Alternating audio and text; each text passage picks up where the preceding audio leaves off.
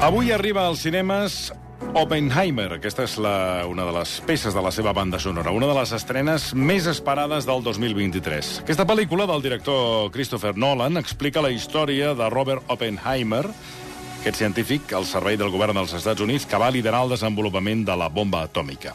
Bé, eh, d'aquestes i altres coses en parlarem amb en Josep Corbella, periodista de La Vanguardia especialitzat en ciència i salut. Josep, bona tarda. Molt bona tarda. Oppenheimer, que va liderar un dels descobriments científics de, del que ha estat no només de la seva època, sinó un descobriment científic eh, històric, que va ser la bomba atòmica, una arma de destrucció que va obrir la porta eh, el que després vindria eh, desemboca, desembocadi, desembo, desembol, desembocaria amb un dels grans genocidis eh, que varen viure. Explica'ns primer de tot qui va ser Robert Oppenheimer. Era un científic? Eh, amb què destacava? Mira, era un personatge amb una biografia molt apropiada per fer una pel·lícula perquè era un personatge que era poderós i vulnerable al mateix temps, que va ser tractat com un heroi i després va caure en desgràcia. Va ser tractat per un heroi com un heroi precisament per uh, la seva obra més destructiva mm -hmm. i va caure en desgràcia quan va renunciar a voler fer més mal. Um, I com a físic, com a científic, va ser un físic molt brillant, no del nivell d'Einstein o dels pares de la física quàntica, segurament perquè era una mica més jove i quan va arribar ell ja estava tot el peix quàntic venut, perquè no pots descobrir dos cops el, la teoria mm. de la relativitat o dos cops els principis de la física quàntica, però mira, un detall que mostra la seva vàlua com a físic és que ell el 1939 ja va eh, publicar que havien d'existir un tipus d'astres molt estranys que eren forats negres, cosa que a Einstein li semblava absolutament inversemblant.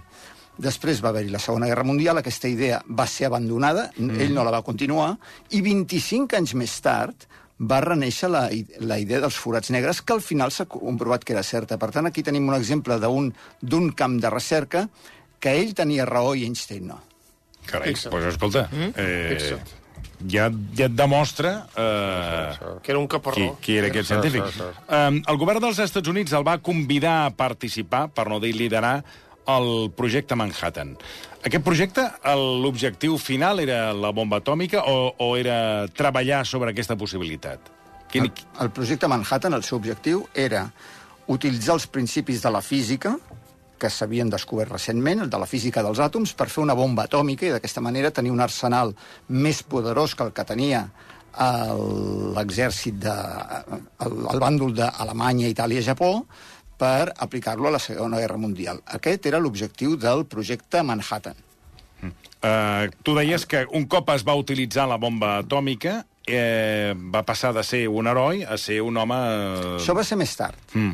El... Com, com es va produir aquesta evolució? És a dir, per, pels efectes de la bomba atòmica, perquè se li van demanar que, que el desenvolupés més? Què, què és el que va passar aquí?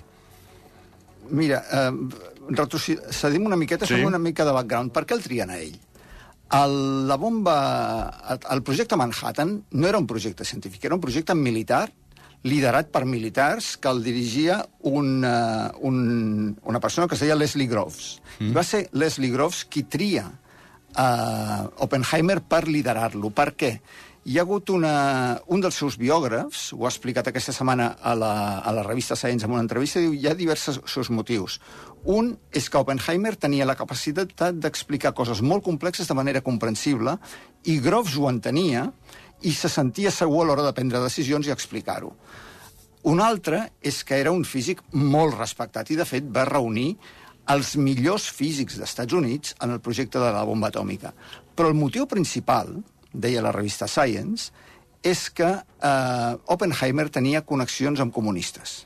La seva germana, per exemple, era comunista, es movia en cercles comunistes, i això el feia vulnerable. I Groff sabia que Oppenheimer no el podria abandonar, no podria abandonar el projecte i no podria fer el que volgués perquè el tenia, eh, perquè depenia d'ell.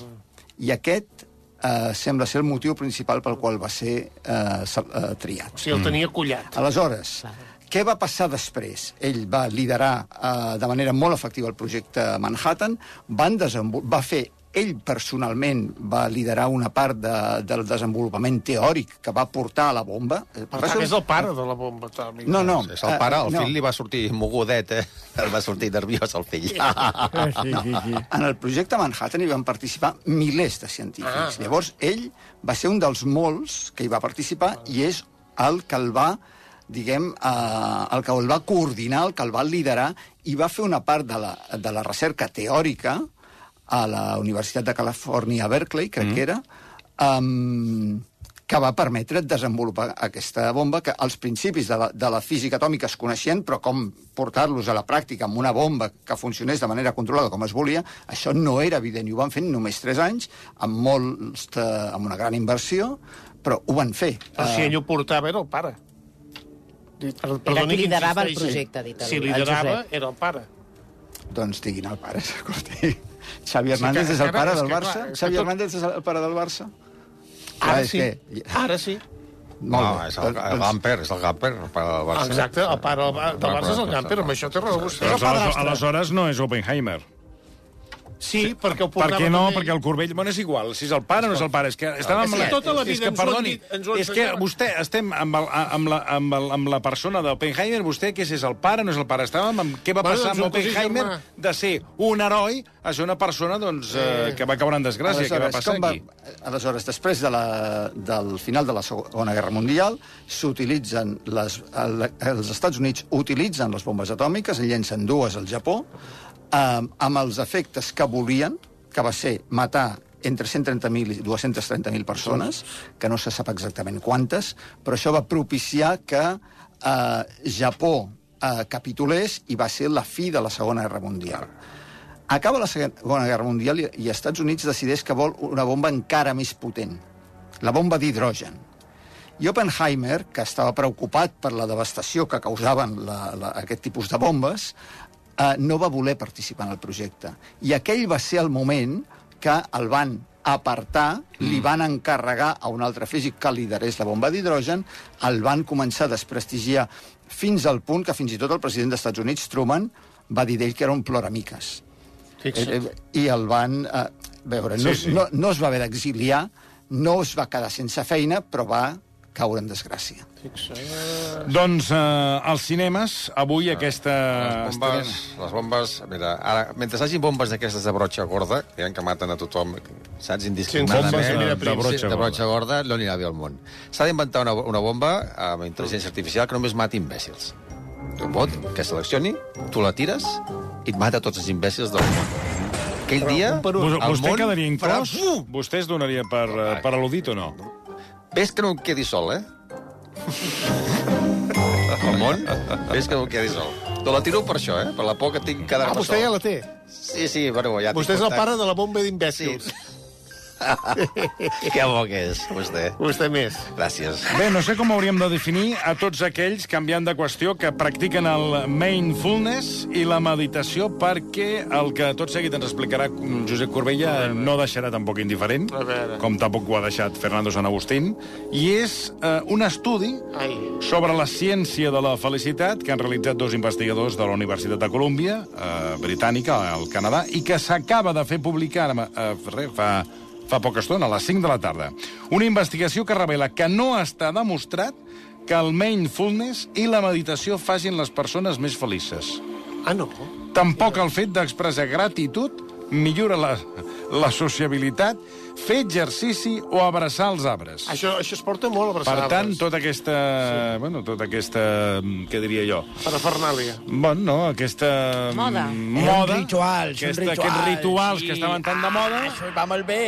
Segons eh, aquesta universitat, Josep Corbella, bueno, doncs no cal perdre el temps fent aquest tipus de coses. Mira, no diu que no funciona i diu que no està demostrat que funcioni. Mira, deixa'm posar un context Sí. perquè s'entengui. La psicologia com a ciència va viure, va tenir una gran crisi fa uns 15 anys, mm. cap al 2010 o així, mm. perquè eh, en diuen, la, es coneix com la crisi de la repro... millor no ho dic, Re- reproduïbilitat. Eh, Què vol dir? Bueno, escolta, la primera ho has dit. Vull Sí, dir que perfecte. La M'he hagut de concentrar, m'he No, hagut de no, concentrar. No, no, perfecte. No, llavors, el que es va passar és que molts estudis que hi havia en aquella època que s'havien fet quan es tornava a intentar fer estudis similars, arribaven a conclusions diferents. No eren reproduïbles. I aleshores el problema era i quina conclusions creiem, el que ha dit una cosa o el que ha dit el contrari quan investiguen el mateix. Es va mirar per què passava això i hi havia dos grans defectes de mètode científic. Un és que les mostres eh, de voluntaris amb els quals es feien els estudis solien ser molt petites, uh -huh. per tant no arribaven a conclusions estadísticament significatives, i l'altre és que els estudis, eh, els resultats que es presentaven, mm. es decidien després de fer la investigació en funció del que sortia i es seleccionaven aquells que interessava i s'analitzaven les variables que es volien analitzar. Aleshores, solucions. Solucions. En aquell moment es va decidir fer una cosa que ja es feia amb estudis de fàrmacs, precisament per no poder fer trampes a l'hora de fer els estudis, que és, abans de fer l'estudi, s'ha de registrar i s'ha de registrar dient què investigaràs i com ho investigaràs. No val canviar les regles al final de l'estudi i dir que vaig a buscar una cosa que en realitat no estava buscant o seleccionant les dades que vull dir. Aleshores, um, i aquest camp, per tant, la recerca en psicologia que es fa avui dia sol ser molt millor que la que es feia fa 15 anys. El, aquest uh, estudi nou que acaba de sortir ara a les 5 de la tarda de la Universitat uh, de la Colúmbia Britànica, Sí. el que han fet és, són dos investigadors que han dit s'estan donant moltes recomanacions sobre felicitat, mm. assumint que són certes i que funcionen, anem a veure realment quina solidesa tenen.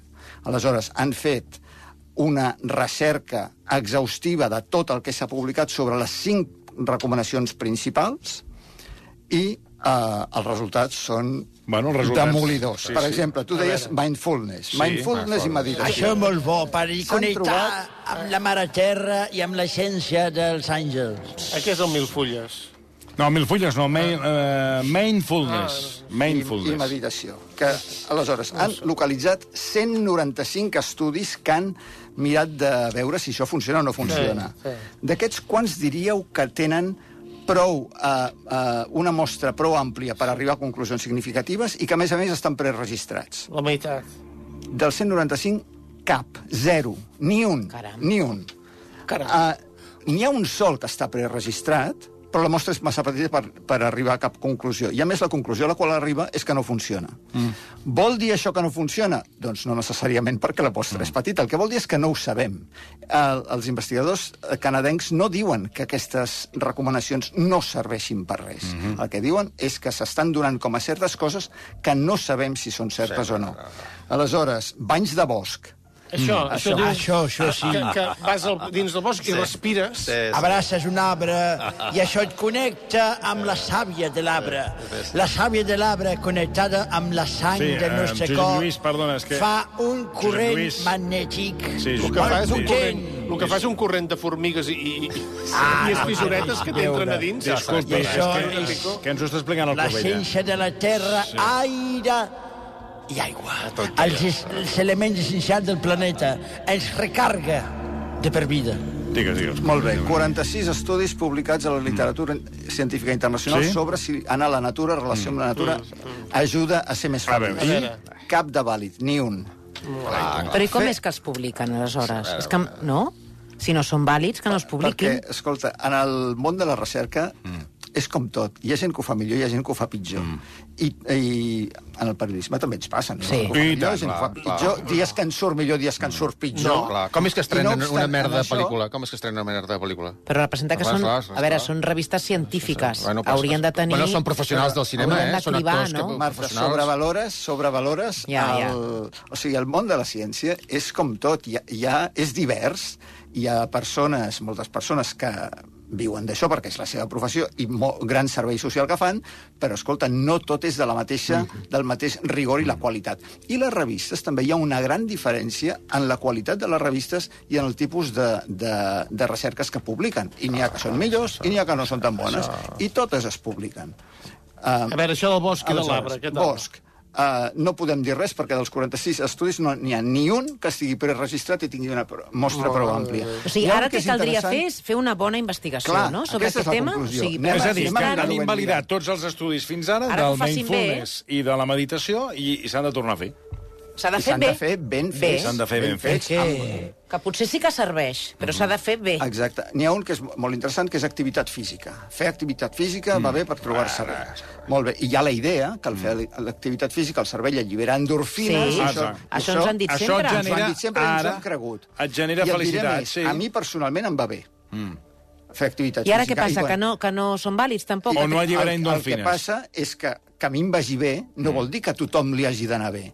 Per saber si a tothom o al conjunt de la població eh, mm, és positiu com per fer una recomanació, s'hauria de mirar ben mirat. I no s'ha mirat ben mirat en població sana. Tot això està mirat en població, en, no en població que tingui ni depressió ni ansietat, sinó en població Sí, sí. sana. Eh. Per tant, conclusió, anem a mirar-ho ben mirat. Sí, sí, se ha de mirar bé, porque yo, por ejemplo, soy consumidor de, también de revistas científicas y una serie de cosas. Ah, sí? Quina revista Pues és? compro. Muy interesante. La revista Autopista, y allí, a ver, de surten, uno- surten revista- unos artículos... Científica no Aquesta és. revista no és Sí, sí, científica. la unos revista artículos és de, de, de, de Clar. descubriment científic de coche que surten ahí És sobre el, y el tú, tema del y, motor. y tú Però mira... li està dient Marta Cailà. No, és que no és És una revista científica. automobilística. Sí, sí. De coches no, modelos no, que no se han visto mai antes en el món de la ciència automobilística i te trobes cotxes que, que lo mira ahí y diu, això no existe, això està fet por ordenador, esto, esto es un prototipo que no, que no está. Y en algunos salones del automóvil también pasa, que tú vas ahí en el coche, intentas entrar en el coche y no puedo entrar, ¿por qué? Porque yo es una maqueta que no tiene ni motor ni tiene red. Es una carcasa, es como un huevo Kinder, que está el huevo por fuera, pero dentro no hay, no hay red. Hay una yoguina que no te requiere lo- venir a dir? És que no, que pues vol- que hay que vigilar porque que Ah. estigui publicat no vol dir que sigui realitat. Ja, ja, ja. és que... Ja, eh, Ja, però eh, estàvem parlant de ciències, estàvem parlant d'un estudi, vostè m'ha tret aquí de cop i I volta... després ahí está la, La revista una no té res revista a que veure. fa... y la revista Bricomanía. Hay unos La bri- otra. briconsejos para cambiar la rayola del cuarto de baño. Yo lo vais a probar y a mí no me va a quedar como estaba ahí. Eh, ¿eh? O sea que... Va, Y la foto es guapísima, ¿eh? La de la revista. Sí, y sí, no sí. tiene res que ver con la realidad. sí, sí. Eh, al señor de Pierjo le funcionará, a mí tampoco me va a funcionar. Igual que el Minfourné. Lo ¿Eh? que está haciendo el Minfourné, Mindfulness. lo maté y que me va a pasarme con la rayola del cuarto de baño. Mil Forner. Bueno, anem amb una altra qüestió, que aquesta sí que ens ha preocupat una mica més, i és que l'OMS, recordem que és l'Organització Mundial de la Salut, eh, avisa del brot de grip aviar, ara amb gats. Ai, ai. Què dius ara? A veure, què en sabem d'aquest brot amb gats? És el mateix del, de la grip aviar que... El pollastre. Que... Hi ha un virus que es diu H5N1, Mm. Que potser algun dia ens dona un disgust. Aquest virus va... Aquest és aquell famós virus que, es, que va, va allò que es, es, va- es va posar tot el, diguéssim, des de Xina. Alerta, alerta alerta màxima mundial. per si mutava i ens podia afectar a nosaltres, el famós que, virus de la grip aviar. Aquest és el virus, del, el virus més famós de la grip aviària, sí.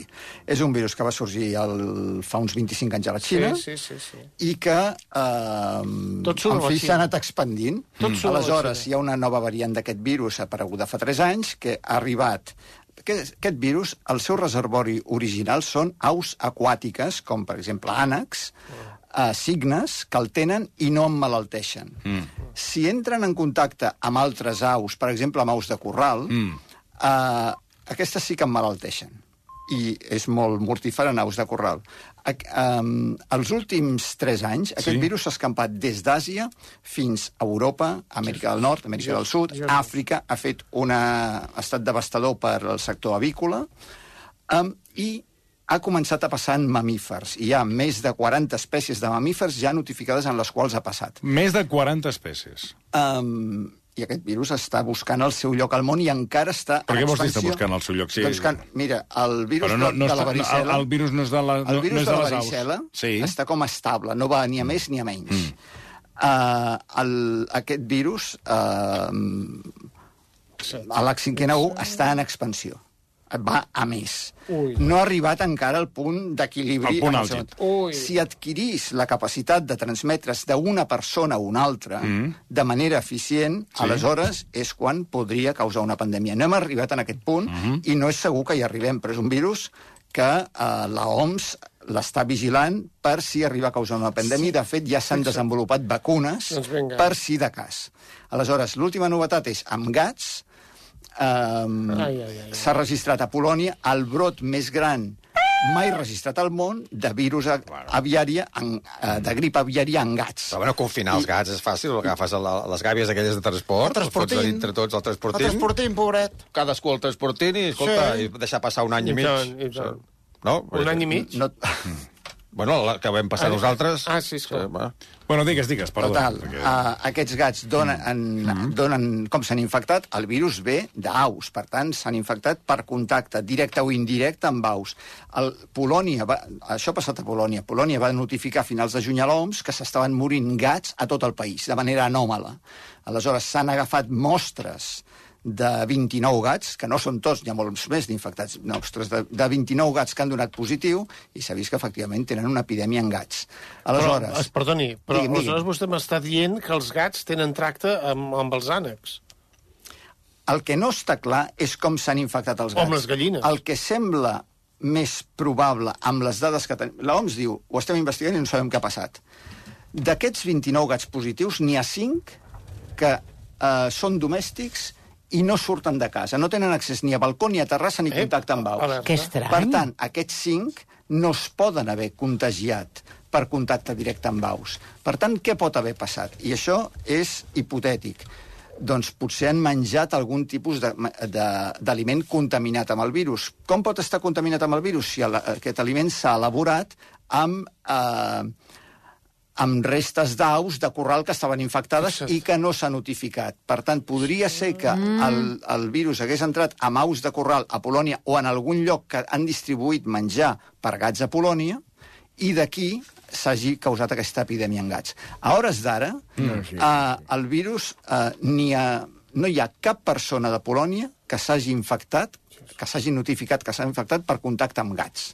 Per tant, la capacitat d'aquest virus de passar persones és molt limitada. Jesús Maria Josep. Um, en el món sí que hi ha hagut casos els últims anys esporàdics, aïllats, de persones que s'han contagiat. Ja hi tornem a ser, eh? Però el virus no té la Però no hi capacitat tornem a ser, que moment... estem No, parlant... no, estem- no, no, no, No estem parlant de la Covid, estem parlant del virus de la grip Ja aviar, estem parlant d'aquest H5... Eh, Eh, N1, N1 i l'únic que, diu tot això Ah, és que eh, és un virus que s'ha de controlar i que els països han d'estar preparats per si arribés, Ah. i ho dic en condicional, si arribés la Torna, situació en què provoqués una pandèmia de grip, perquè pandèmies de grip n'hi ha hagut quatre l'últim- els últims 105 anys.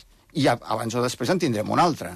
I poden ser des de relativament benignes, com la del 2009, la grip A, fins a molt, eh, molt virulentes, com la del 1918, la, que es va anomenar la grip espanyola. Hi ha tot un ventall de possibilitats. Si arribés a passar, ara estaríem molt millor preparats perquè l'estem vigilant des de fa, des de fa anys, i els governs han d'estar amatents i si hi ha brots en, en naus de corral s'han de detectar i s'ha d'actuar en conseqüència. No I, llanceu- comp I compensar els, Per, perquè els per als animals no hi ha vacuna? Contra... O sigui, no s'està investigant una vacuna contra aquesta grip que pot ser tan perillós que salti als humans?